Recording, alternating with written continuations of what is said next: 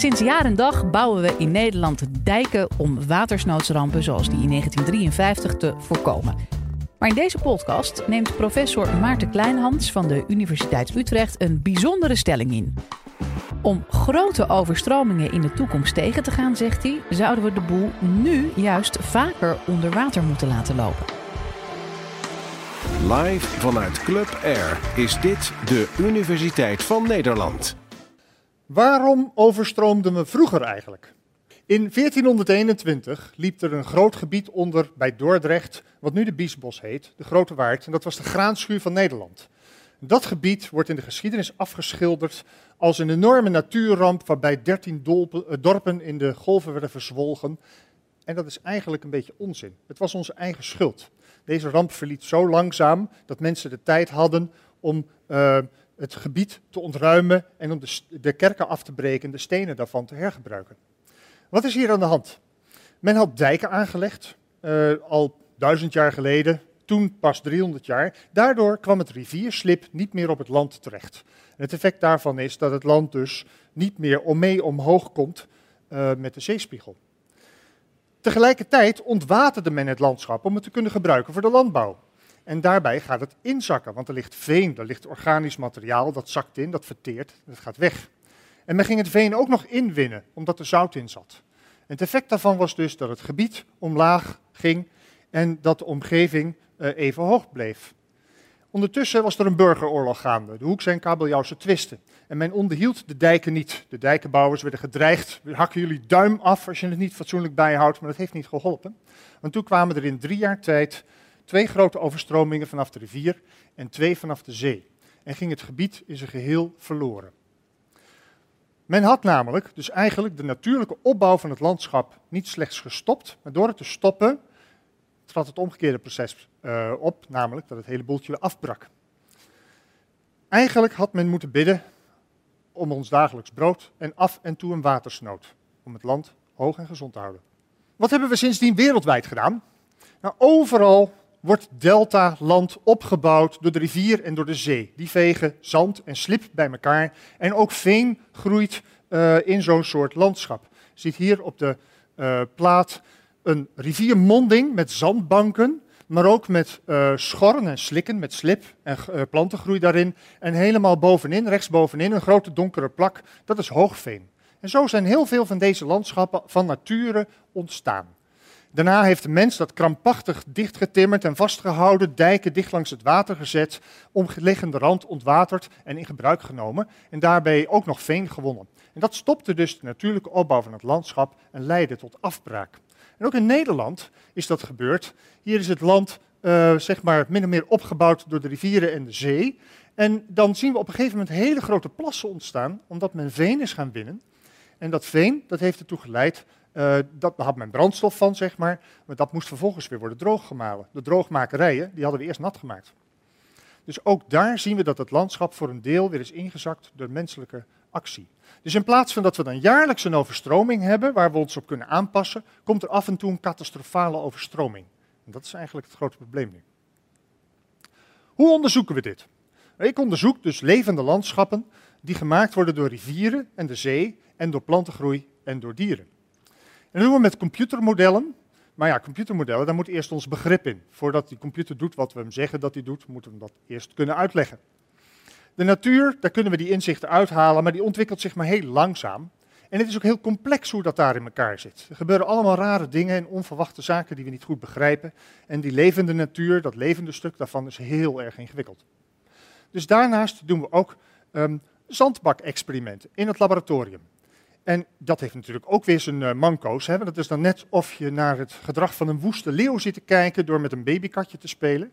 Desalniettemin hebben we daar een hoop van geleerd. We hebben bijvoorbeeld gezien met onze rivierenexperimenten dat die rivieren het landschap doorlopend opbouwen en afbreken. Bij het verplaatsen van de geulen en de zandbanken, samenspel met vegetatie, met uh, wilgenbossen bijvoorbeeld in het zoetwatergebied. Daarbij ontstaat de hele tijd nieuw land waar landbouw ook op uh, kan plaatsvinden later en waar die natuur heel belangrijk in zit. Dus denkend aan Holland zie ik woeste rivieren die zich vraatzuchtig door dichtbegroeid landschap slaan. Maar waarom graven we dan nou eigenlijk ons zeemansgraf? Het is heel duidelijk dat we geen natte voeten willen, dat begrijp ik. Maar er is nog meer aan de hand. Alle grote wereldhavens in de hele wereld, die liggen in riviermondingen. Dat zijn de plaatsen waar de rivieren in zee uitkomen en waar eb en vloed een rol speelt vanuit de zee.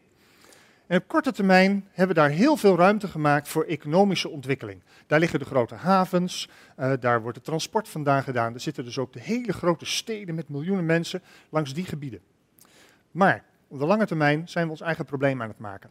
Bijvoorbeeld de verdieping van de Westerschelde, die nodig is om grote zeeschepen naar Antwerpen te vervoeren, en het insnoeren met dijken van die Westerschelde, heeft ertoe geleid dat die vloedgolf vanaf de zee makkelijker binnendringt en dus verder en harder doordringt. En het effect is dus dat in Antwerpen de zeespiegel nu harder stijgt dan op de Noordzee. Dus dat is een belangrijk probleem. Maar er komt nog meer bij.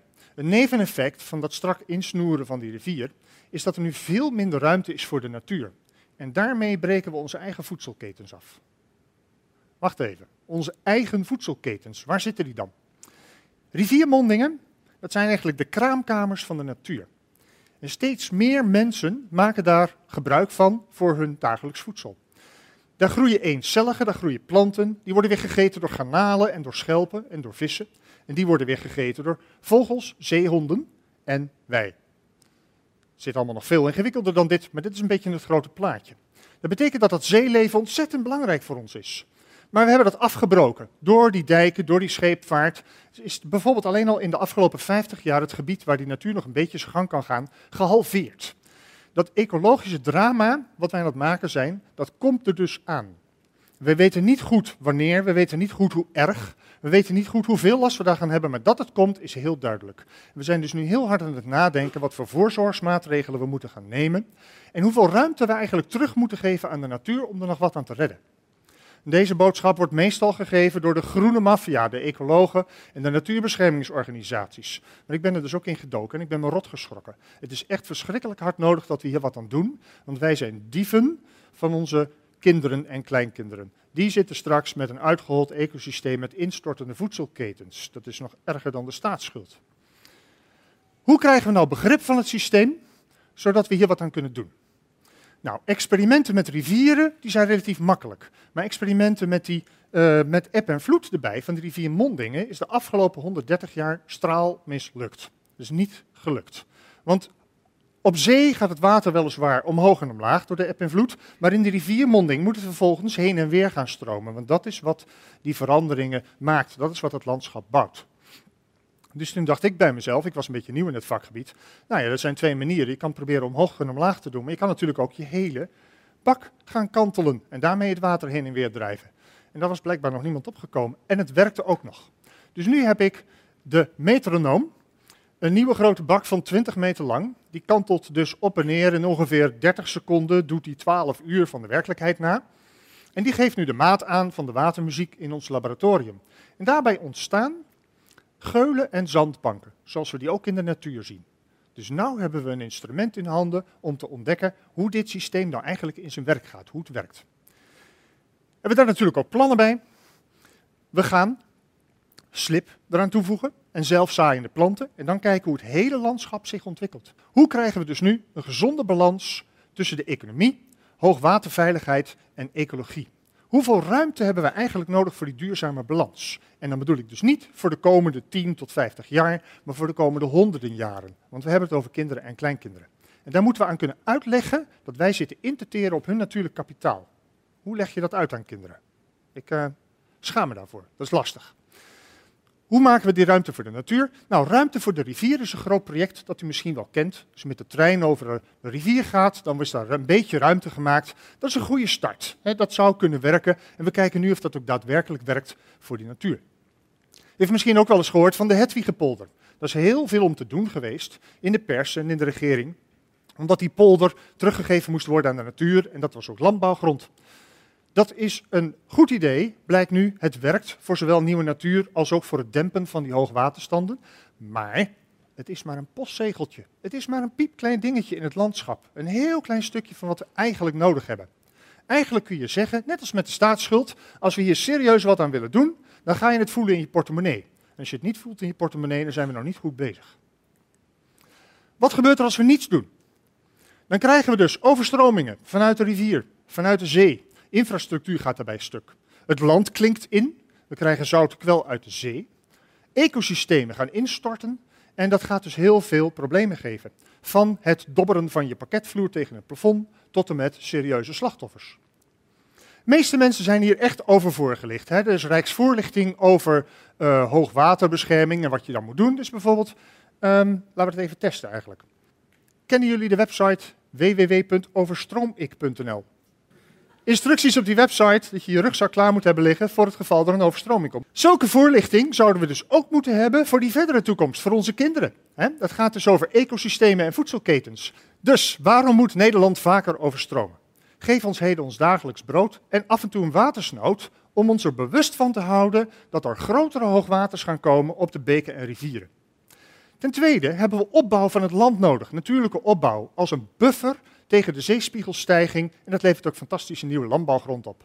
In plaats van alleen maar hoge dijken krap naast het systeem, want dat gaat brokken geven. Nu zijn we heel kortzichtig bezig met ons directe eigen economische belang. Ook voor die langere toekomst hebben we ruimte nodig voor die systemen om voedselketens weer intact te houden en te zorgen dat mensen in de toekomst ook daarvan gebruik kunnen maken. En wat we nou nodig hebben, is inzicht of we dat kunnen combineren op een zinnige manier die echt wat oplevert. En daar gaan we hard mee verder. En ondertussen heb ik mijn rugzak al klaarstaan.